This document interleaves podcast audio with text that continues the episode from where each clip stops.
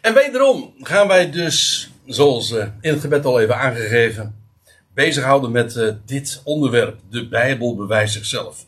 En ik blijf het uh, plaatje dan toch maar zeer ter zake vinden. Die leeuw, die, die alleen maar los hoeft te laten. En die geen verdedigers nodig heeft, omdat hij namelijk sterk, sterk en krachtig genoeg is van zichzelf. En koninklijk kijkt hij om zich heen. En ja, zo kijk ik eigenlijk ook uh, naar de Bijbel. Als een, uh, als een boek, of beter als die bibliotheek, die zo krachtig, zo solide is, dat het zichzelf inderdaad bewijst. En misschien is het goed om er nog eventjes aan te herinneren dat ik geloof ik de eerste keer al heb aangegeven.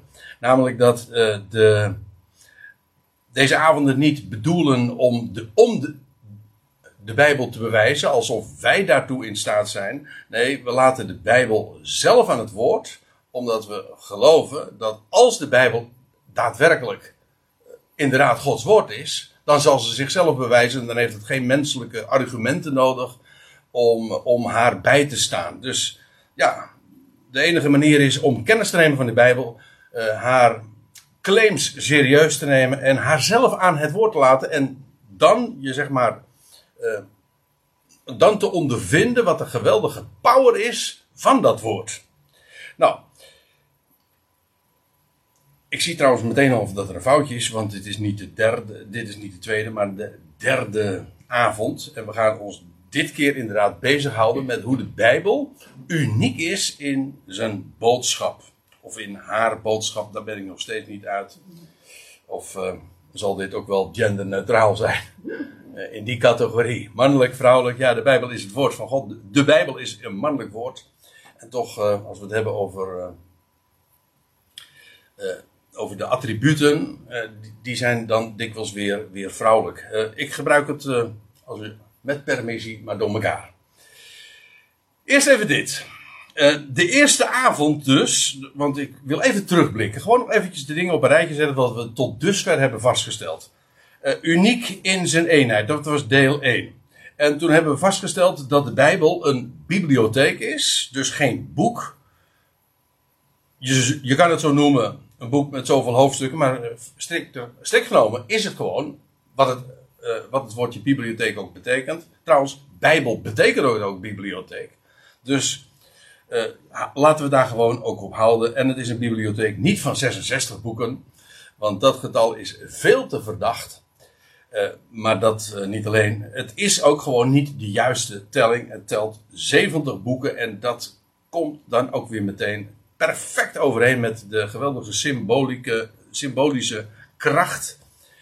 die alleen al in het getal zelf is gelegen. Zeven, of, of een veelheid of een volheid daarvan veelvoud, uh, is altijd per definitie in de Bijbelse symboliek het embleem van, van compleetheid. En dat is wat de Bijbel ook daadwerkelijk is. En wat we daarbij vooral hebben vastgesteld, is dat al die afzonderlijke boeken, dus elk van die 70 boeken, uh, als puzzelstukjes fungeren en in zijn geheel één panorama vertonen. Waaruit dus volgt dat al die puzzelstukjes, uh, al die boeken, weliswaar in de loop van duizenden jaren zijn ontstaan. Maar het blijkt dus dat het allemaal een eenheid vormt, wat alleen maar verklaard kan worden wanneer er ook een concept, één gedachte, één ontwerper, één designer achter steekt.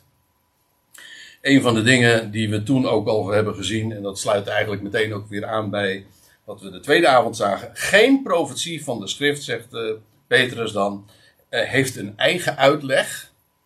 En dat betekent uh, dat ze weliswaar uitleg nodig heeft, maar ze krijgt uitleg van andere schriften, zodat al die schriften elkaar uitleggen.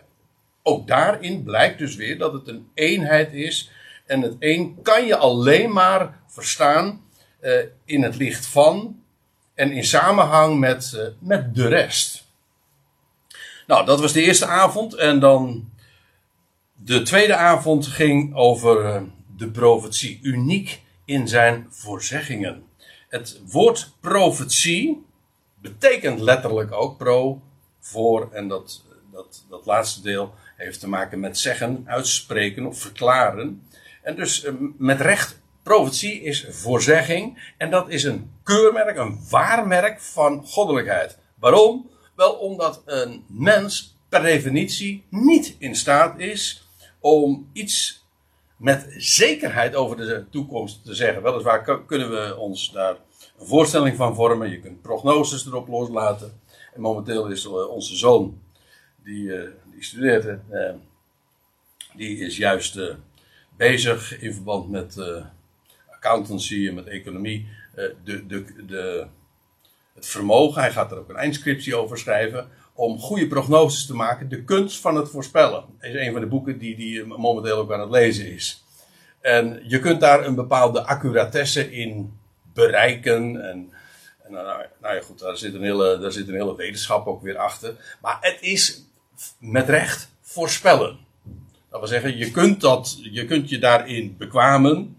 Maar eh, weten, nee, dat is glad onmogelijk. Geen mens kent van zichzelf de toekomst.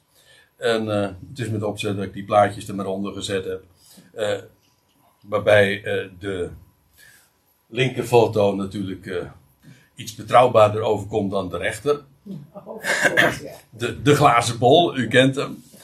Maar in beide gevallen, dat is de overeenkomst.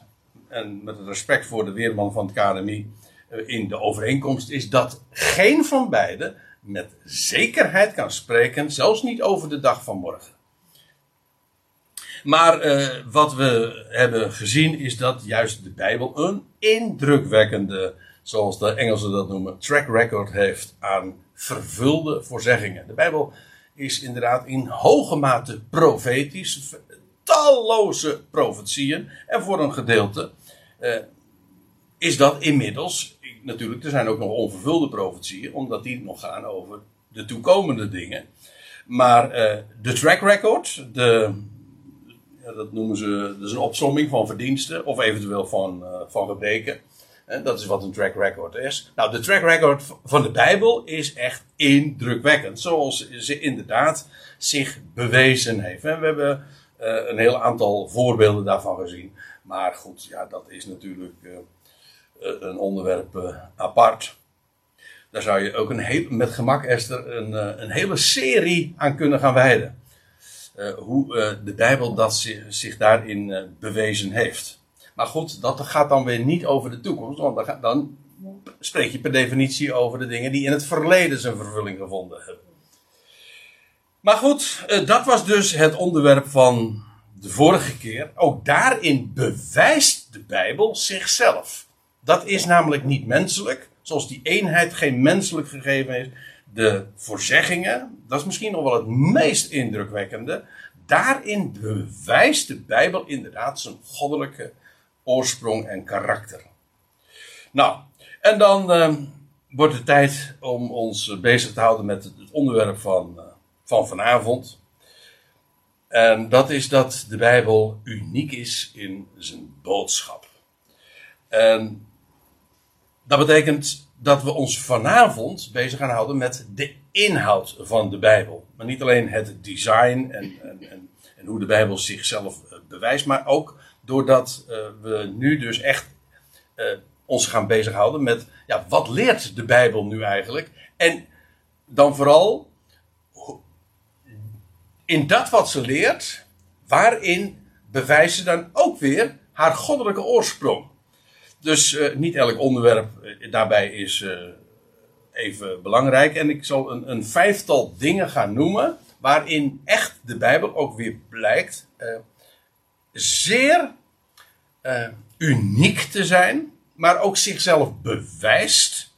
in dat wat ze meldt en wat ze predikt. En, en een van de dingen is, uh, wat ik wil laten zien, is dat. Kijk, als je zegt het is uniek, dat betekent dat, het, dat er maar één van is. Uniek komt van un. Hè, betekent één. Er is er maar één van.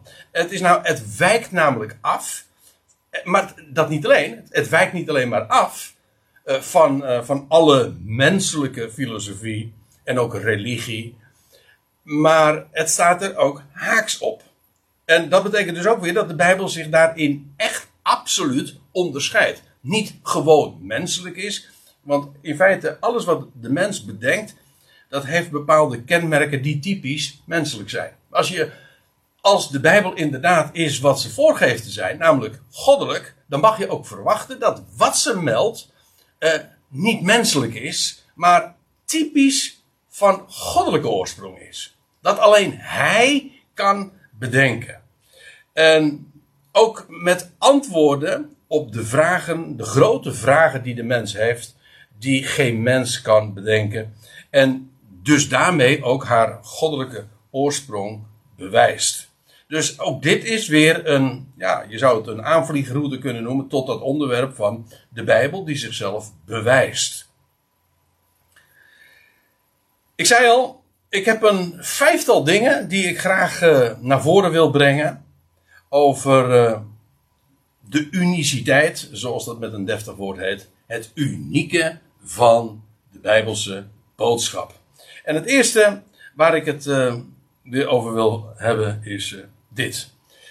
En dat zal ik even moeten toelichten, maar de Bijbel is uniek om wat het evangelie is, namelijk een goed bericht. En als ik het zo zeg, dan zeg ik het eigenlijk dubbel op, want het woord evangelie, ja, is een Grieks woord, evangelion, maar betekent goed bericht. Een blijde mededeling. En dat op zich, dat woord bepaalt je al bij het feit dat uh, het iets meedeelt en dat het ook historisch is. De Bijbel is door en door historisch. Dat wil zeggen, echt gebeurd. We praten dus niet over een moraal of over een, een. Kijk, als de Bijbel nou alleen maar een boodschap zou zijn van liefde en gerechtigheid. En dit is trouwens wat ik nu zeg, dat wordt ook van vele kansels gepredikt. Uh, namelijk dat de Bijbel een bepaalde moraal heeft en uh, inspirerend is, mooie metaforen biedt. Uh, bijvoorbeeld de opstanding van Jezus Christus. Ik, ik, ik, herinner me nog als de dag van gisteren dat ik, god zal een jaar of 12, 13 geleden geweest zijn, dat ik in Eijoost in een, in een kerk was. En dat was met Pasen. En dat die predikant het bestond te zeggen. En die hield hele mooie verhalen. Hij, kon, hij, had een, een, een, ja, hij bracht het allemaal heel erg mooi, zeg maar. En ook literair verantwoord. Maar, uh, en hij had het over de, het opstandingsverhaal. Hij, hij gebruikte iedere keer met opzet natuurlijk ook het woord verhaal. Omdat een verhaal, ja, dat, uh, dat vertelt iets. Maar hoeft niet noodzakelijk waar te zijn om toch een verhaal te zijn. En ook een verhaal kan inderdaad inspirerend zijn. Dat is wat hij ook zei: van nou ja, kijk, het is nu voorjaar. En uh, alles spruit weer uit. En dat is ook het, wat het verhaal van Jezus' opstanding uh. Maar het kwam erop neer, en dat is wat hij tussen de regels en een paar keer zelfs expliciet zo zei. Het is niet echt gebeurd natuurlijk. Nou, in dat geval is de Bijbel dus geen evangelie. Want dat is namelijk geen bericht. Het is dan alleen maar een, een verhaal, een filosofie of een bedenksel of een. Nou, whatever. Er zijn talloze termen die je eraan kan labelen, maar het is geen mededeling. Een mededeling is iets over wat er plaatsgevonden heeft of plaatsvindt. Of zal plaatsvinden. Maar de Bijbel is door en door historisch en dat is heel concreet. Het is niet mystiek en ook niet moralistisch. Ook het gaat ook niet over wat de mens moet doen. Nee, het gaat erover de stappen die God zet in deze geschiedenis, in deze wereld. Heel concreet. En ja, ik moet zeggen, dat vind ik juist zo geweldig. Het gaat er niet om uh, wat, wat wij moeten doen, want dat is, het is echt waar. Op het moment dat je het in die termen gaat bezien, van uh, een moraal, dan gaat het er uiteindelijk altijd weer om wat wij daaruit moeten destilleren en wat, hoe het ons aanzet tot goede werken. En ik heb niks tegen goede werken en je best doen, et cetera. Maar als dat het is waar eh, zeg maar, het heil van afhangt, nou dan geef ik er geen, uh, geen rode rotzet voor. Dan hangt het namelijk allemaal weer van de mens af. En dit is typisch ook iets wat de mens bedenkt. Namelijk dat de, mens geactiveerd moet worden, dat wij iets gaan doen. En wij uh, zorgen er dan voor dat de, de, planeet gered wordt. Of nou ja, welke termen je daar ook allemaal voor kunt uh, bezig. Of wat je ook voor ogen staat. Nee, het is niet wat de mens moet doen. God zet stappen in de geschiedenis. Hij voorzegt hoe het zal gaan en wat hij gaat doen. En dan niet in een mystiek luchtledig. Nee, echt concreet en aantoonbaar. En historisch. Geen verhaaltje. Ook geen verhaal. Maar werkelijk echt gebeurd. Ja, en met als climax, want zo durf ik het uh, rustig te noemen, het evangelie, het goede bericht van de opgestane Christus. Hij is daadwerkelijk opgestaan. Nou, ik wil dat uh, aan de hand van 1 Corinthië 15 graag even kort aanstippen, hoe essentieel dit is. En dat geldt voor eigenlijk alles wat de Bijbel zegt. We hadden het in het, uh, de voorgaande keer hadden we het over over voorzeggingen die de Bijbel heeft gedaan over Abraham. En dat tegen hem gezegd wordt, nou, zoveel generaties verder. En dan na 400 jaar, dan zal uh, jouw nageslacht uittrekken uit Egypte, et cetera. Maar stel je voor dat dat alleen maar een, een, een verhaal was. Of zou zijn. Ja, dan bewijst het A niks.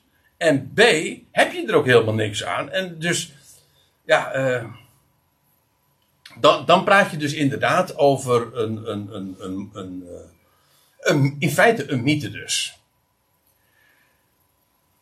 Maar alles wat de Bijbel zegt uh, over, uh, over, nou ja, vanaf het eerste begin, vanaf Adam. Stel je voor dat Adam, zoals uh, dat ook dikwijls verteld wordt, alleen maar een, een verzonnen figuur zou zijn, maar niet de, de stamvader van de mensheid, zoveel duizend jaar geleden ja, dan is het een, eh, een aardig. Dan is dat misschien een mooi verhaal.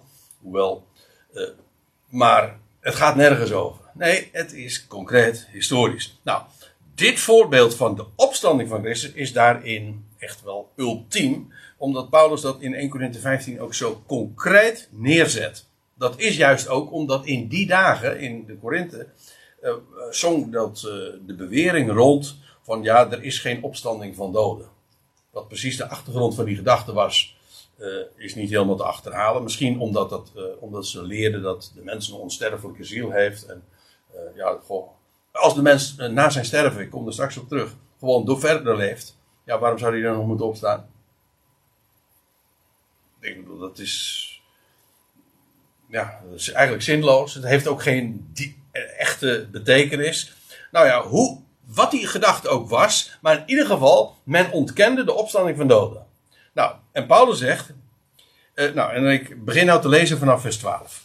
Maar, maar indien, en het is een, uh, een letterlijke vertaling, zoals uh, jullie wellicht inmiddels al weten, en met die interlineair die eronder staat, kun je dat woord voor woord ook nalezen. En let dan vooral op die groene regel, omdat dat de meest letterlijke weergave is. Akkoord, ik lees voor. Maar indien van Christus geherouwd wordt.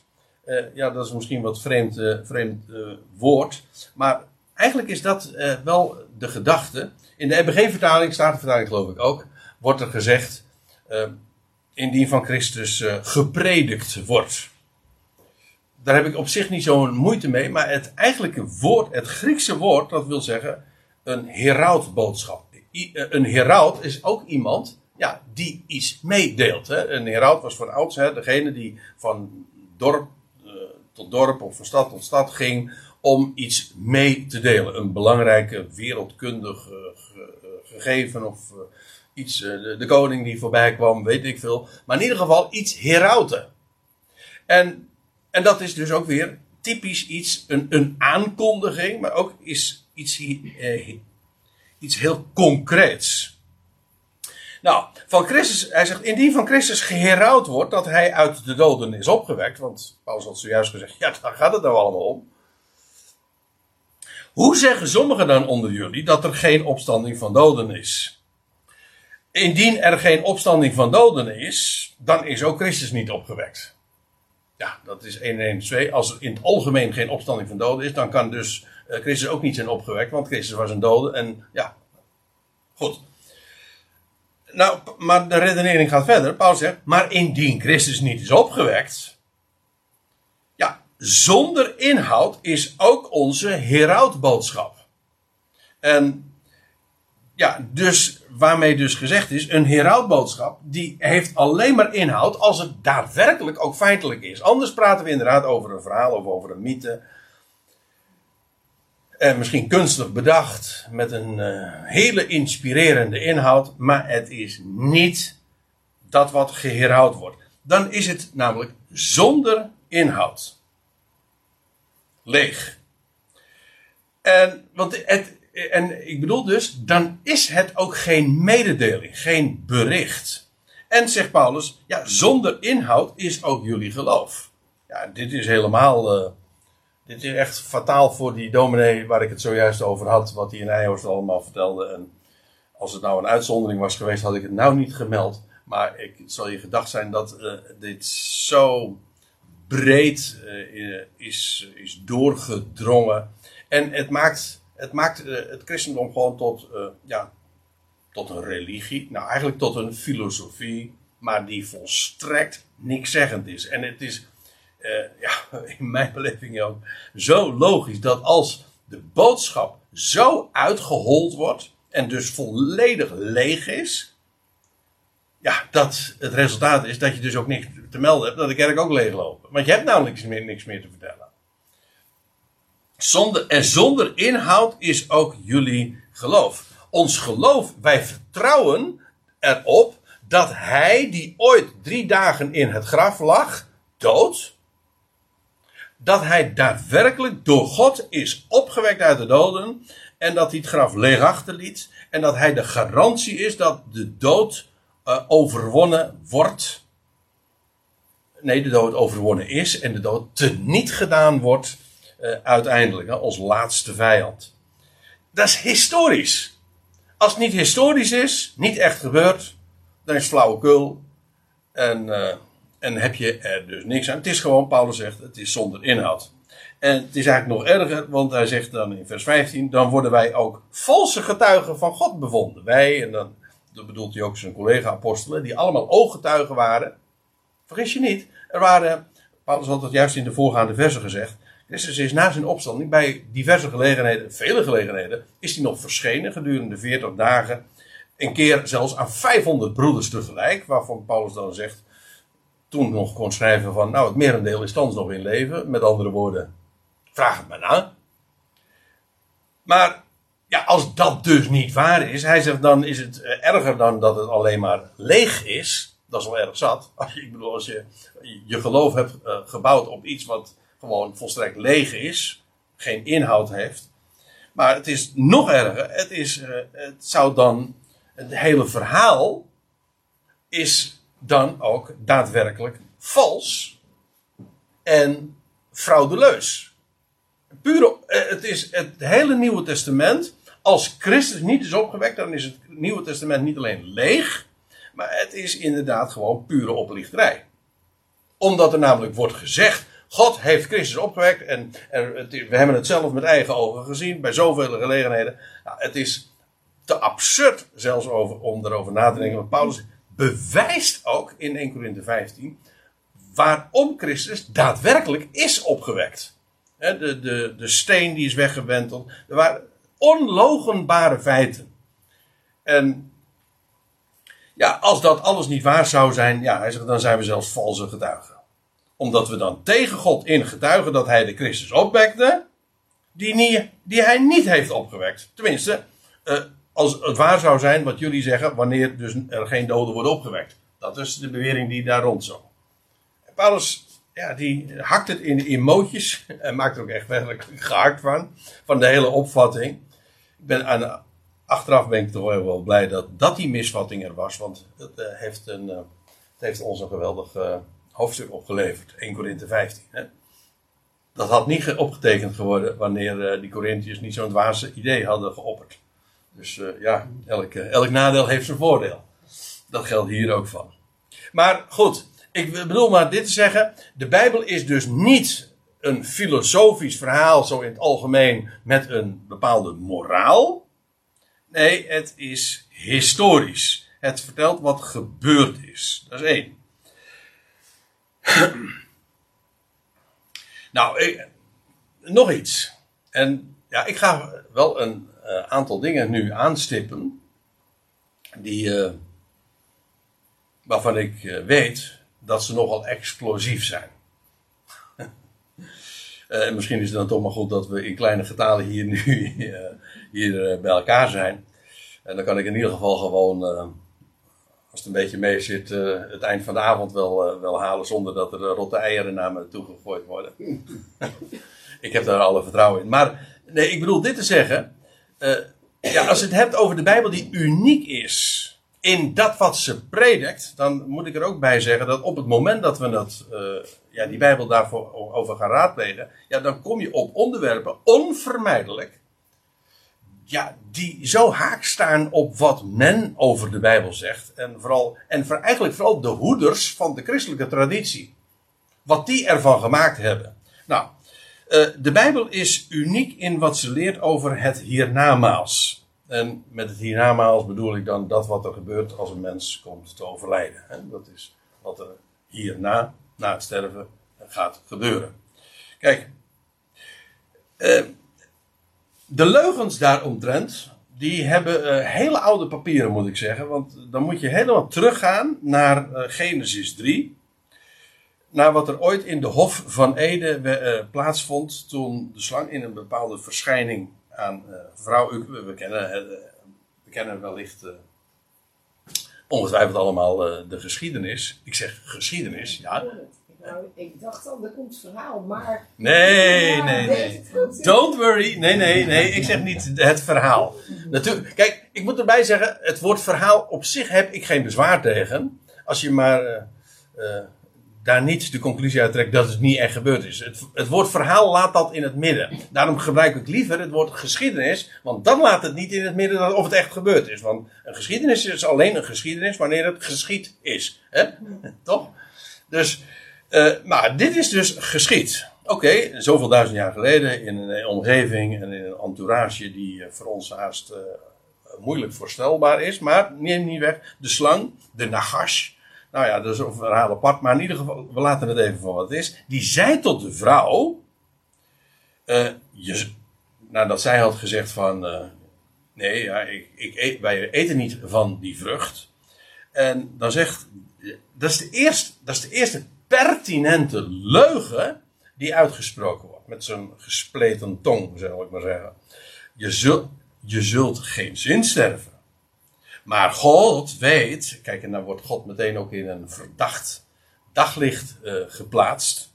Namelijk uh, dat God eigenlijk niet te vertrouwen is. Uh, maar God weet dat ten dagen dat je daarvan eet, uw ogen geopend worden.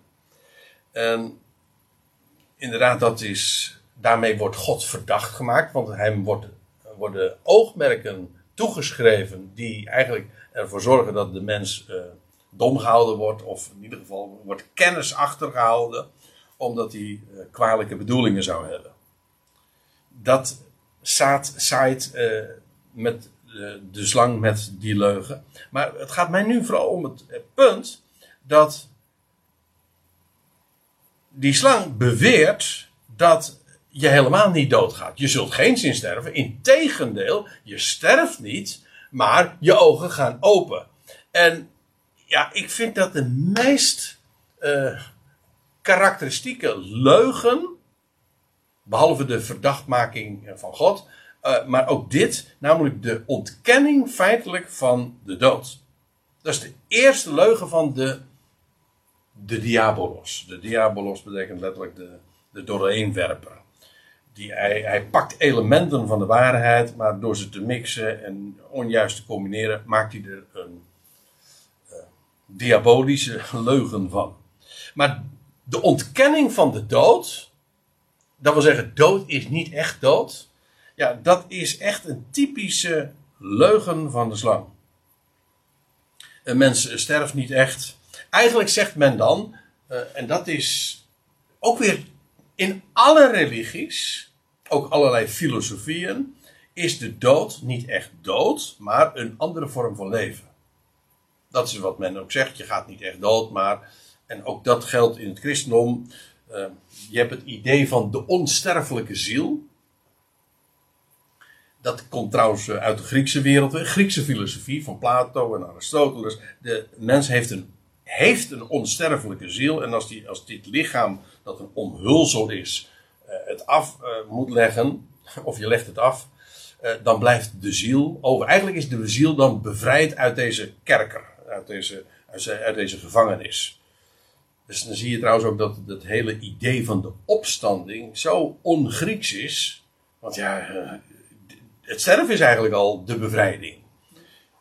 Nee, maar in de Bijbel is dood echt dood. Nee, inderdaad, uh, niet het einde, maar wel echt dood. Het is niet een andere vorm van uh, leven. En ik zei al, dit is wat ik nu beweer. Ja, ik kan dat heel gemakkelijk bijbelstaven, maar neemt niet weg. Uh, dit gaat ook wel weer heel erg in tegen alles wat er doorgaans over de dood gezegd wordt. Trouwens, het is ook uh, van een hele andere filosofie. Een, in, het is daarmee in strijd en dat is het idee van reïncarnatie. Wat dan in de oostelijke, zeg maar in, in, in het oosten, boeddhistische gedachteklimaat geleerd wordt. Een mens sterft, maar met te sterven reïncarneert hij op een andere wijze. Dat wil zeggen, wordt hij weer opnieuw vlees, maar in een andere gedaante. In een hogere, hogere vorm, of juist een lagere vorm, afhankelijk dan weer van uh, hoe er geleefd is, et. Maar in wezen, ook dat is een variant op de onsterfelijke ziel. In die zin dat in beide gevallen dat een mens niet echt doodgaat. Nee, hij leeft op een andere wijze voort. Het zij als onsterfelijke ziel, of juichend voor Gods troon, of, uh, of in een ander uh, schepsel, uh, whatever. Maar het is een ontkenning van de dood. Dus precies wat de slang ooit al in het begin zei: nee, je gaat niet dood, je ogen gaan open.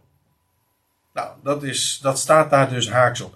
In de Bijbel is dood echt dood. Dus een, een heel vrij voorbeeld vind je in, in Ezekiel 37.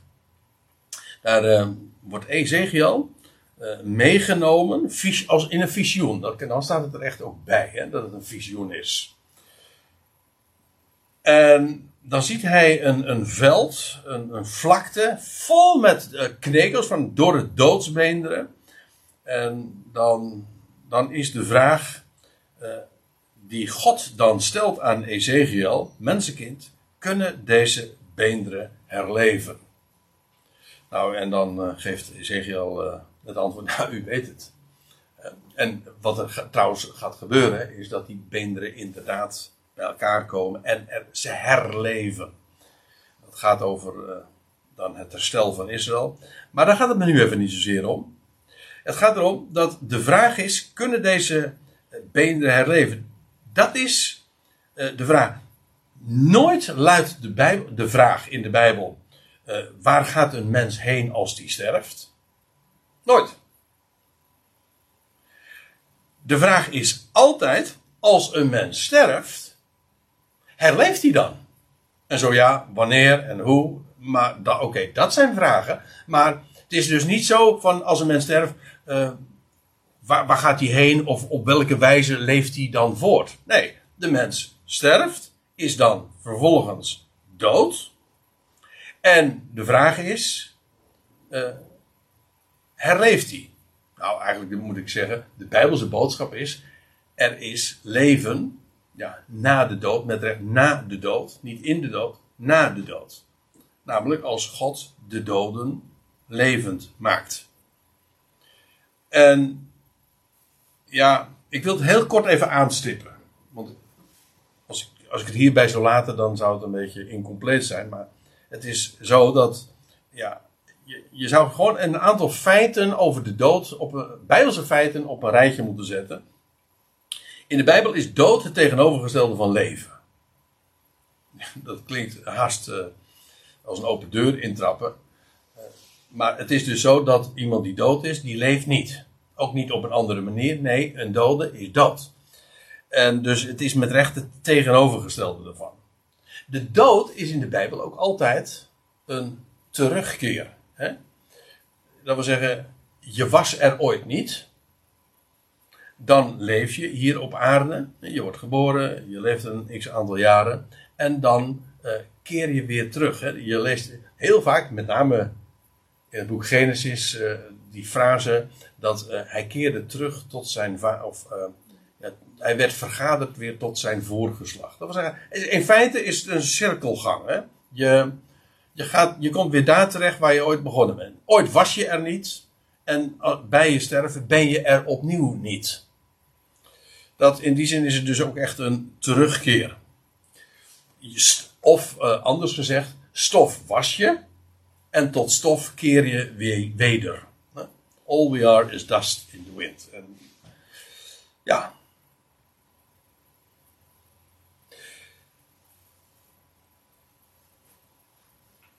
Uh, de dood is, uh, want je zou dat dan uh, eigenlijk op een. Je, er is een mooie metafoor voor. En die geeft de Bijbel zelf heel vaak aan. Namelijk de dood als een slaap.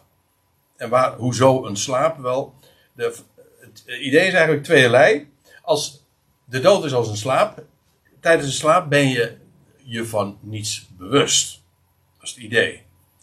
Je slaapt, je, het staat dus tegenover bewustzijn. En de tweede gedachte bij de slaap is je wordt daar weer uit wakker.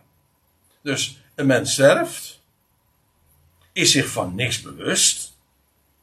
Ja, tot het moment dat hij gewekt wordt en opstaat. Dat zijn trouwens uh, twee dingen. Je wordt eerst gewekt en daarna sta je op.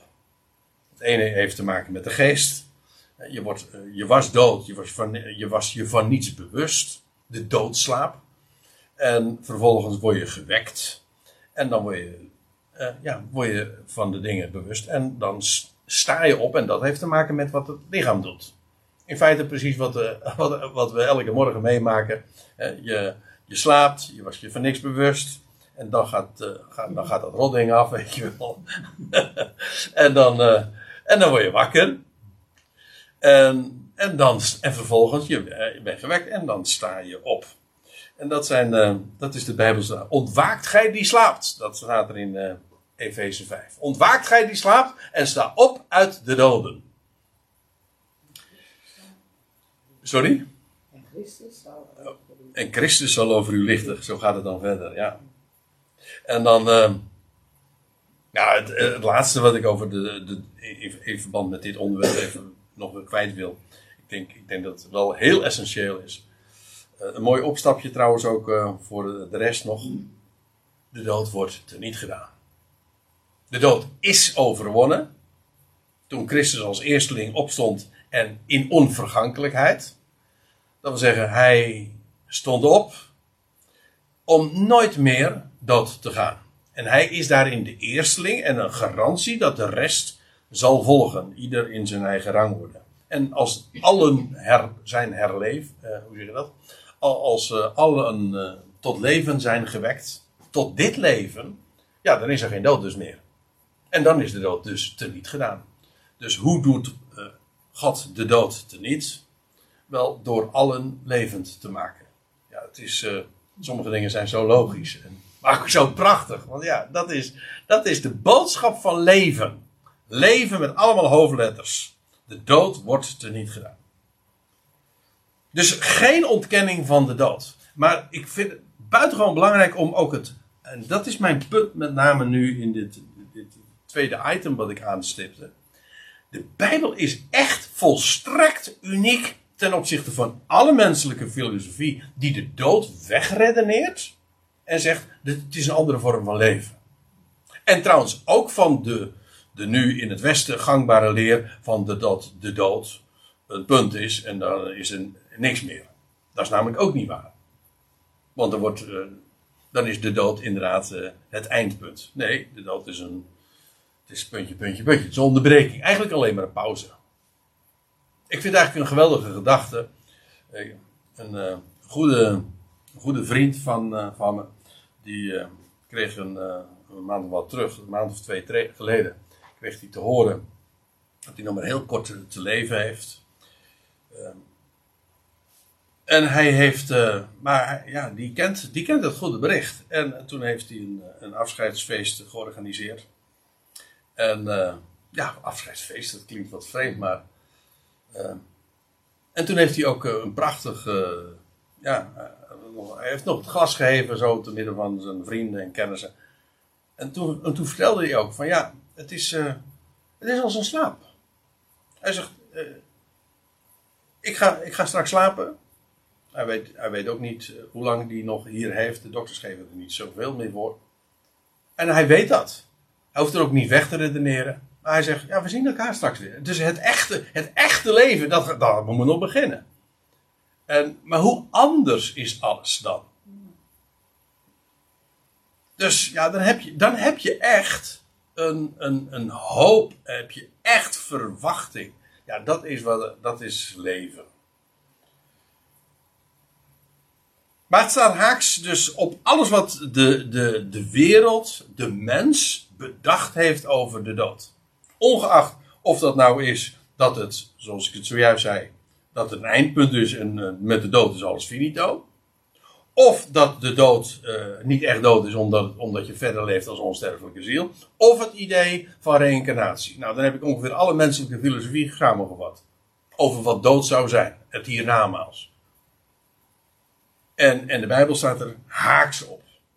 En triomfeert daar ook boven. Zoveel grootser en heerlijker. Dan nog iets.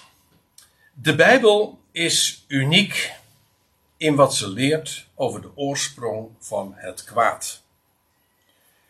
Echt, dit is ook een heel apart eh, fenomeen. En, en op mij heeft dat eh, al sinds vele jaren enorme indruk gemaakt. De Bijbel is hierin echt zo uniek. Als je nadenkt over de vraag, in het algemeen, hè, ik, ik, ik kan je echt uitdagen om, om dat eens te onderzoeken, hoe er eh, gesproken wordt over de oorsprong van het kwaad.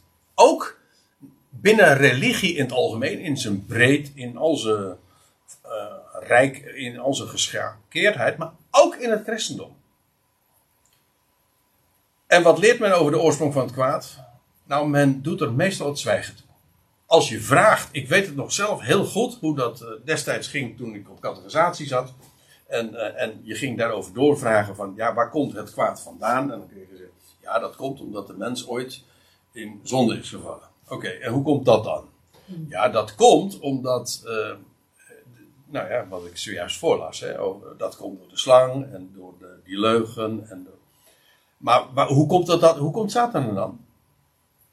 Eh, ja, nou ja, dan wordt het heel ingewikkeld. Want dan zegt men dat hij, het is een gevallen engel. Wat bij nader inzien heel moeilijk te bewijzen valt. Sterker nog, ik denk dat er hele goede argumenten zijn dat dat gewoon ook verzonnen is. Maar hoe dan ook, ook is het een gevallen engel, dan kom je bij de vraag. Maar eh, hoe is dat dan gebeurd? Wist God dat van tevoren? En de meesten zeggen, nee, dat wist God niet. Maar dan heb je geen God. Dan is niet alwetend. Of was het gepland of zo? Ja, maar dat mag je ook niet zeggen. Want dan, maak je God tot de auteur van het kwaad, hè, zeggen ze dan. En dan geef je God de schuld. Kortom, men, eh, meestal eh, parkeert men de vraag of men zegt van ja, maar de verborgen dingen, ik ken altijd wel een bijbeltekst voor, voor verzinnen. Eh, de verborgen dingen zijn voor de Heer onze God en eh, daar, hoeven wij, daar moeten wij ons niet mee bezighouden. Maar de grote vraag van waar komt het kwaad vandaan? Waar, waar is dat in hemelsnaam mee begonnen? Die wordt altijd ontweken. Nooit. En het Bijbelse antwoord is volstrekt helder. Ik, ik wil dat laten zien. Aan de hand van Jesaja 45. Dat is misschien wel het meest sterke tekst, omdat hij namelijk daar A. heel concreet, letterlijk over spreekt. En B. omdat God zelf daar ook aan het woord is. Oké, bij monden van Jesaja. Maar God zelf spreekt daar. Kijk maar. Jesaja 45, vers 5. Daar staat dit. Ik ben, ik ben Yahweh. Dus u ziet het. God zelf is hier aan het woord. Er is geen ander. Behalve mij is er geen God. En dan zegt hij tegen het volk Israël. Ik god je, Jacob. Hoewel je, hoewel je mij ooit niet kende. Waarom? Opdat men het weten van waar de zon opgaat, namelijk in het oosten, en waar ze ondergaat in het westen. dat er buiten mij niemand is. Ik ben Yahweh, niemand meer. Nou, eh, ja, met name in Jezaja wordt dat zo geweldig altijd uh, naar voren gebracht. En in dit geval God zelf die dat zo uitdrukkelijk verklaart dat er maar één God is. Het is de meest fundamentele waarheid van de hele, van de hele Bijbel. Er is maar één God. En een Jood die staat ermee op en die gaat ermee naar bed. Ja, het, eh, met het schema en eh, als hij de deur door komt of, die of hij gaat weer weg. Of uh, hij gaat aan het werk, of hij staat op, of hij gaat, of hij gaat dood. Altijd zal, zullen die woorden op de lippen zijn. Namelijk het Shema. De Heere onze God is één. Er is er maar één.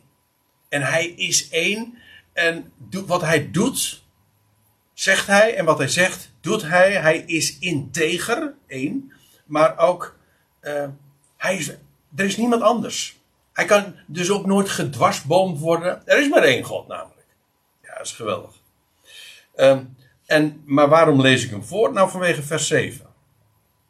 Uh, ik ben Jaweh, niemand meer. Formeerder van het licht en schepper van de duisternis. Die vrede maakt en kwaad schept. Ik, Jaweh, doe al deze dingen.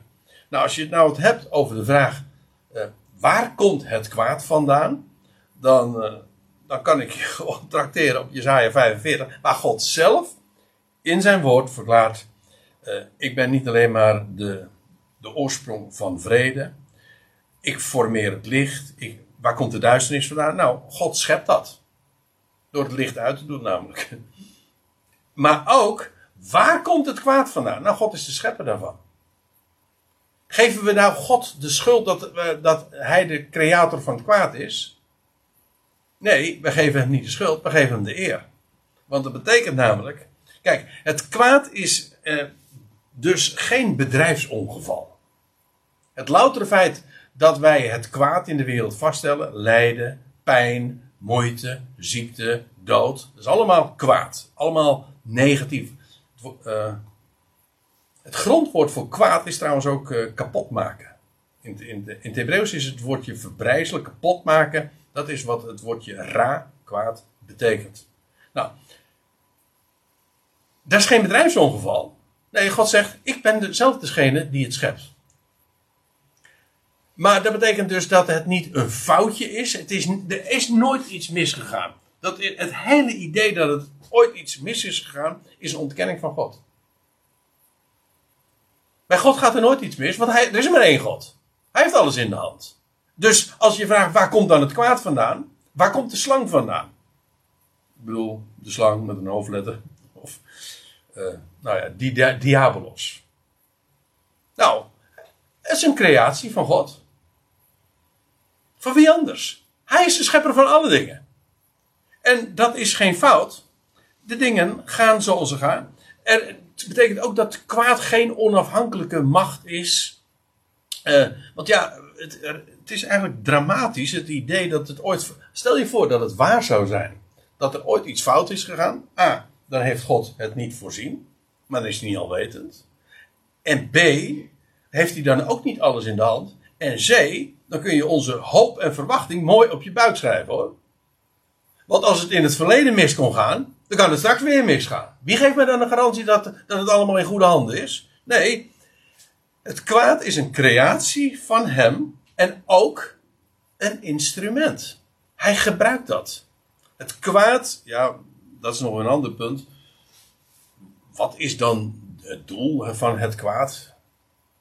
Nou, in ieder geval om het licht zichtbaar te maken. Zoals, kijk, uh, iets, uh, een diamant, uh, als je die wil etaleren, dan gebruikt een juwelier een donkere achtergrond.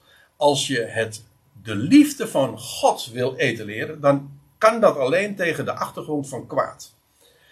En de duisternis is inderdaad die donkere achtergrond die God creëert, juist om dat wat Hij te melden heeft, zijn liefde, uh, te, te tonen. Dus het is een instrument. Een creatie van hem. Maar het geweldige is dus ook daarmee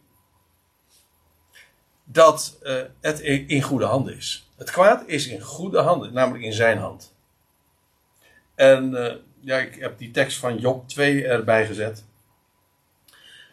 Want daar lees je van Job, nadat al die Jobstijdingen over hem heen waren gekomen, dat zijn vrouw op een gegeven ogenblik tegen hem zegt van, zeg God vaarwel.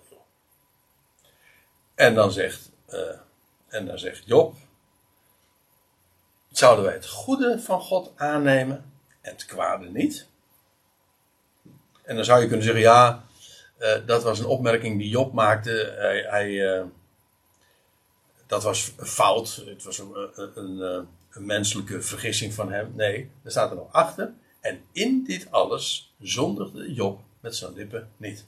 Met andere woorden, dat wat hij zei, de eer die hij God gaf, was volledig uh, in overeenstemming met wat. met hoe het is. In dit alles zondigde Job met zijn lippen niet. Nou ja, later lees je inderdaad dat hij, dat hij uh, het kwijtraakte. En dat, dan, uh, hoewel hij uiteindelijk aan het eind van het verhaal alsnog weer toezegt, inderdaad de, de, handen op zijn lippen legt en van, u vermag alles. Ooit, ik heb u ooit bij, van horen zeggen had ik ooit van u vernomen, maar nu hebben mijn ogen u aanschouwd. Dat is dan het einde van, nou, maar dan zijn we inmiddels in in Job 40 of 42 aangekomen. Maar uh, één ding moet duidelijk zijn: het kwaad is geen bedrijfsongeval, het is geen fout, het is een instrument en een creatie van God. Zul je ook nergens in menselijke filosofieën en menselijke godsdienstige verhandelingen nooit tegenkomen. Dit is typisch iets van God. Zo kijkt hij daar tegenaan. En ik vind dit aan zich ook weer zo'n geweldig feit. Uh, het tilt je ook boven de dingen uit. Dat betekent dat het, het kwaad nooit groter is dan zijn God. Zijn God heeft het kwaad nodig om het.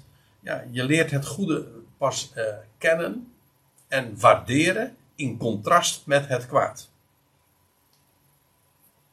Dat is het laatste wat ik erover wil zeggen. En ik stel voor dat we dan eerst even nog gaan pauzeren. Maar uh, dat is. Het, weet u, de eerste keer dat het woord kwaad gebruikt wordt. Dat is juist ook weer in Genesis 2. In die eerste hoofdstukken van het boek Genesis. Uh, daar wordt gesproken over de boom van kennis van goed en kwaad.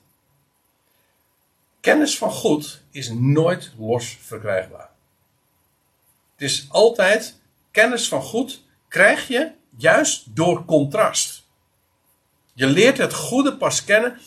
Adam en Eva hadden het goed in de, de hof, maar ze kenden het goed niet.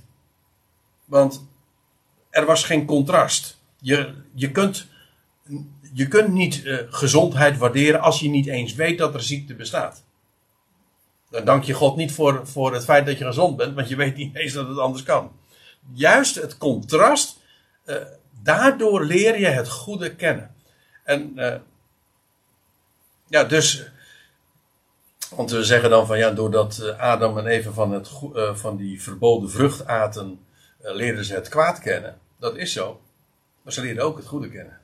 Ze leerden dus goed, daarom zeg ik, goed en kwaad, ze, zijn, ze horen bij elkaar.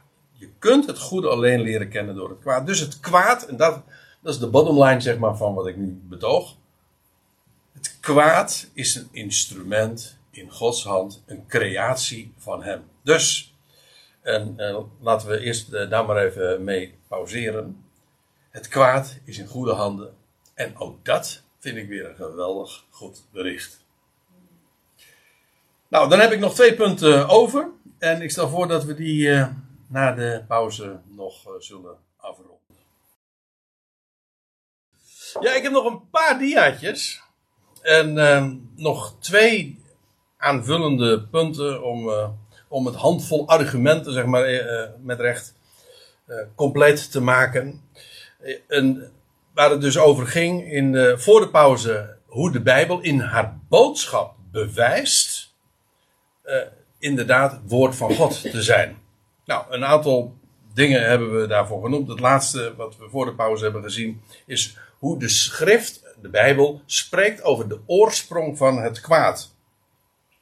Wat altijd in nevelige hult is en op bewust daar gehouden wordt, omdat men, eh, en ik bedoel de mens van zichzelf daar niet uitkomt. En ja, op het moment dat, je, dat, dat de schrift dan gaat spreken en, en je laat God zelf aan het woord, ja, dan kom je eh, tot zulke ontdekkingen, namelijk dat God zelf zegt van ja, ik ben degene die het kwaad schept. Net zo goed als dat ik het licht, de formeerde ben van het licht en ook de vrede maak. Ik, Jaweh, doe al deze dingen. Dan geef je hem niet de schuld. Hij eist daarvoor zelf de eer voor op. Dat maakt alles anders. Oké, nou, dan heb ik nog één.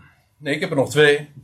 Uniek in wat ze leert over, over zin en doel van de schepping. Het, in zekere zin sluit dit heel erg aan bij wat ik al uh, bij punt 2 en punt 3 naar voren heb gebracht.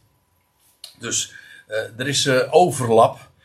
Maar ook dit is weer, ja, toch wel heel explosief als ik het afzet tegen wat hierover in het algemeen wordt gezegd.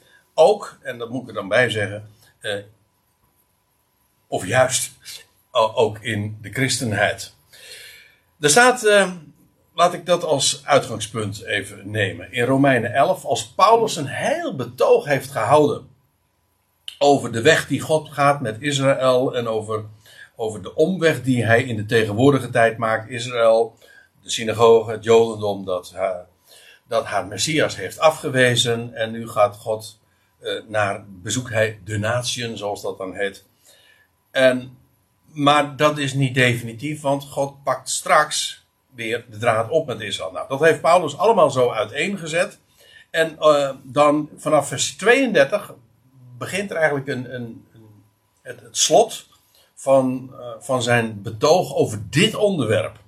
En er is ook een conclusie. En dan zegt hij dit. En ik moet zeggen, ik vind het. Uh, ook dit zo, zo geweldig. Ook dit is typisch God. Dit, is, dit bedenkt geen mens.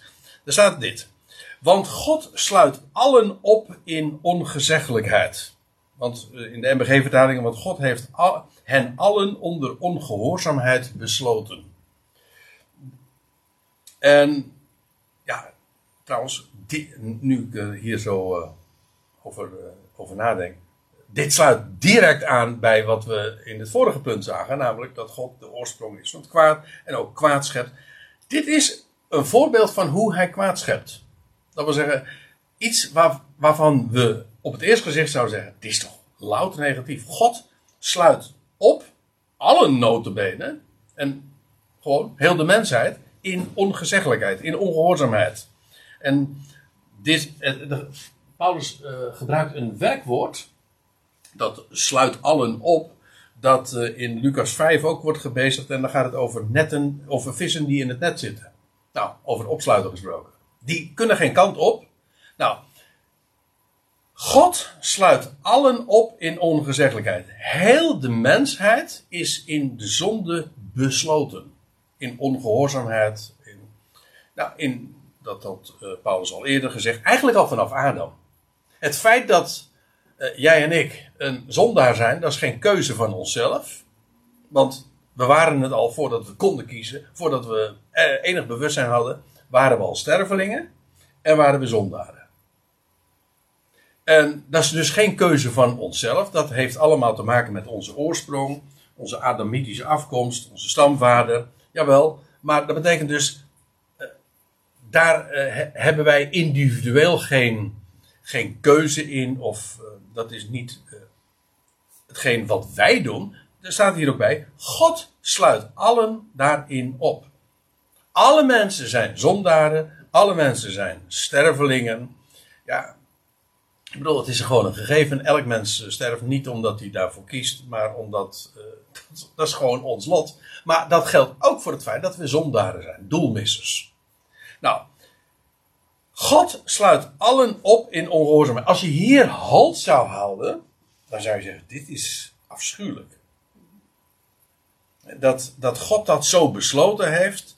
Dat de hele mensheid nu al duizenden jaren lang, vanaf Adam, die weg gaat van leed en moeite. Nou, we hadden het in de pauze al even onderling in gesprekken hierover. Hoe is dat mogelijk? Ja, maar wacht even. Dat is ook nog maar, dat is, dat is voorspel. Dat is in die zin, eh, het gaat pas betekenis krijgen in relatie tot wat gaat komen. Want er staat achter, want God sluit alle om in ongezeggelijkheid, opdat, dat is doel dus, opdat hij zich over allen zou ontfermen. Dus waarom is dat? Wel omdat hij zijn liefde, zijn ontferming gaat bewijzen. En hij gaat alle zondaren rechtvaardigen. En hij gaat alle stervelingen levend maken.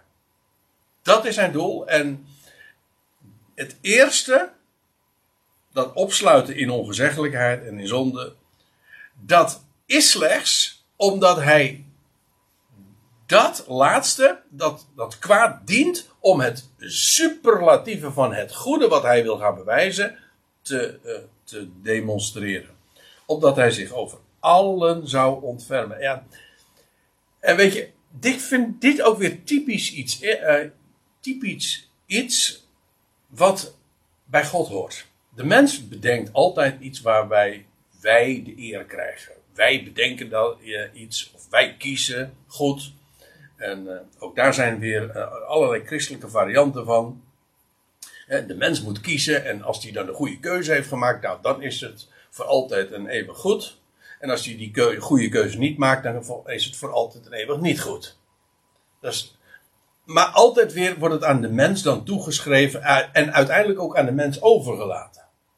En de Bijbel laat daar niets van heel. Het hangt helemaal niet van de mens af. En ja, ik vind dat echt een goed bericht. Want het betekent namelijk dat als het niet van de mens afhangt, maar alles van God, dan maakt Hij het ook allemaal goed. En zo staat hij hier ook, opdat Hij zich over allen zou ontfermen. En zoals alle mensen zondaren zijn en geen eigen keuze is, uh, en alle mensen stervelingen zijn, en dat dat evenmin onze eigen besluit is of keuze. Nee, dat is een gegeven. Wel, op dezelfde wijze zal hij zich ook over diezelfde allen gaan ontfermen. Ja, en de schrift leert inderdaad dat heel het mensdom wordt gerechtvaardigd. Dat was trouwens uh, het onderwerp in, uh, in de eerdere hoofdstukken in Romeinen.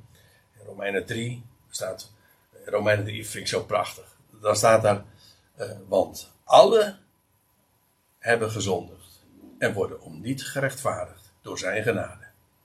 Door, uh, ja, nou de zin loopt door, maar allen hebben gezondigd en, en allen worden om niet gerechtvaardigd. Dus het een is net zo waar, allen hebben gezondigd, jazeker.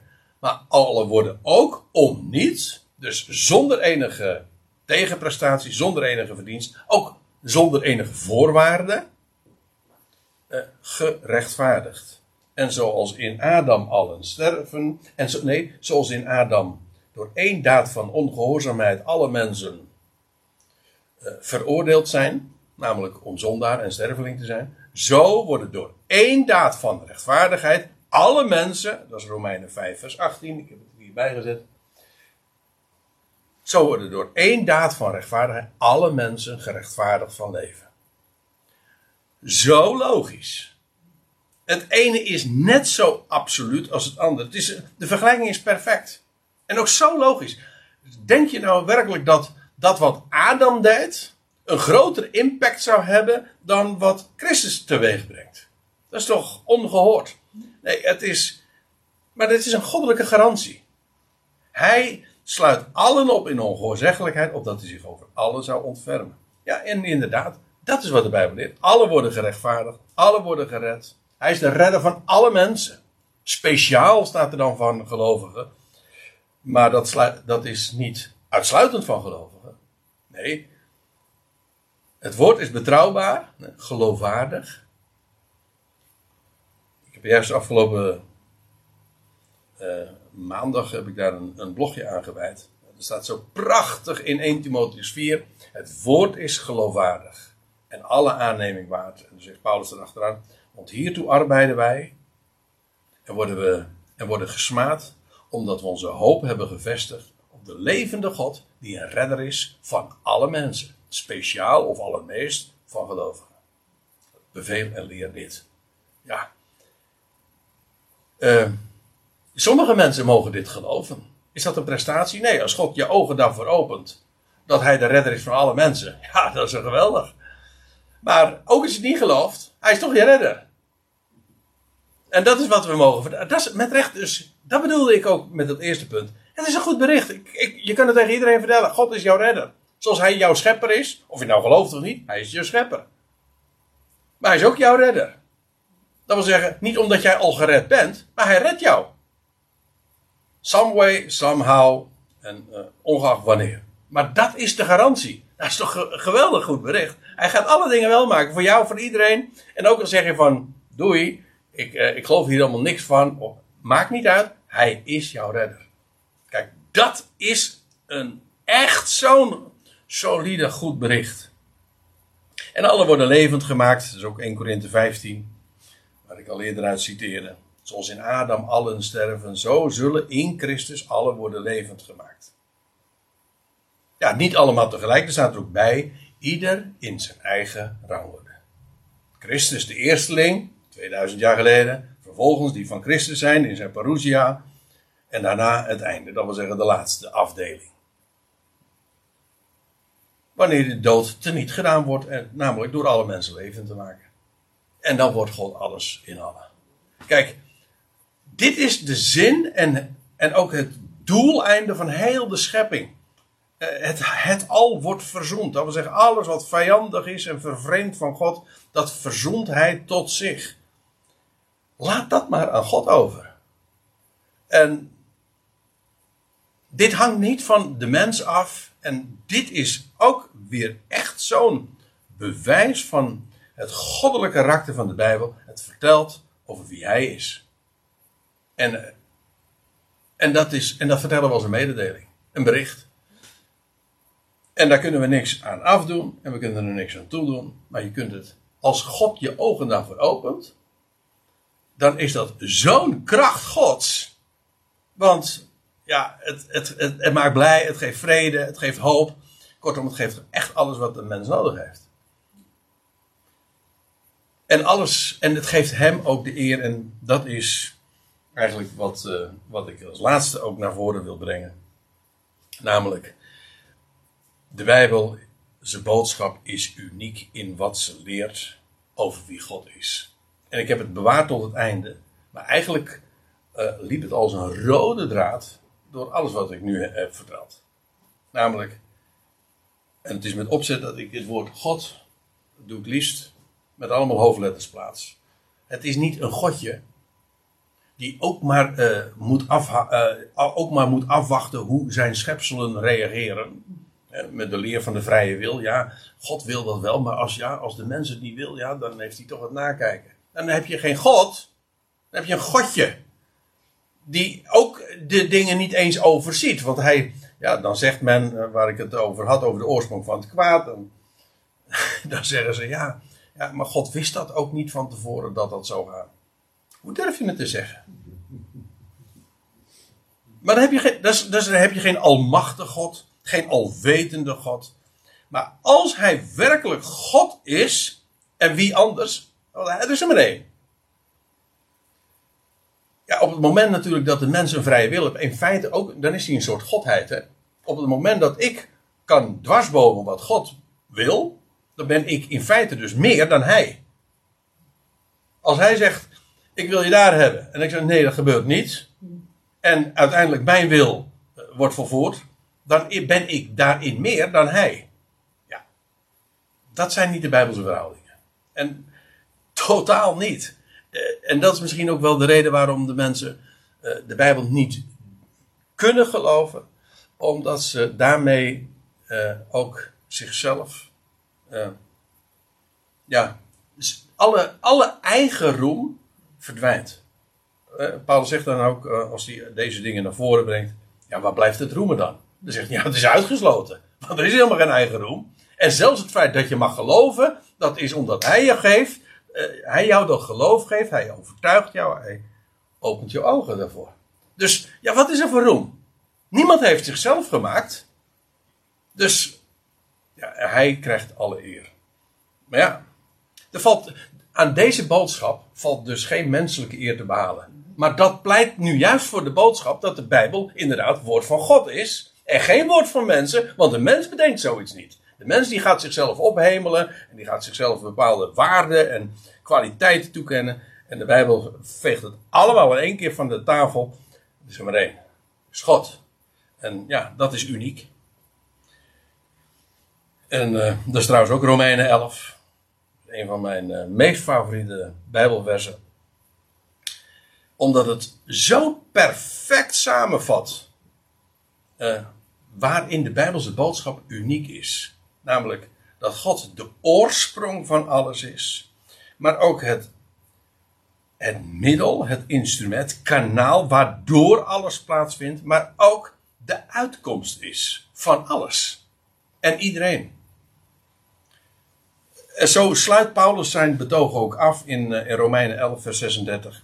Want vanuit hem er worden drie voorzetsels gebruikt. Eerst dat ex. Nou, dat kennen we. Ex betekent uit. Eh, uit hem. En dan dia, die. Eh, dat betekent door.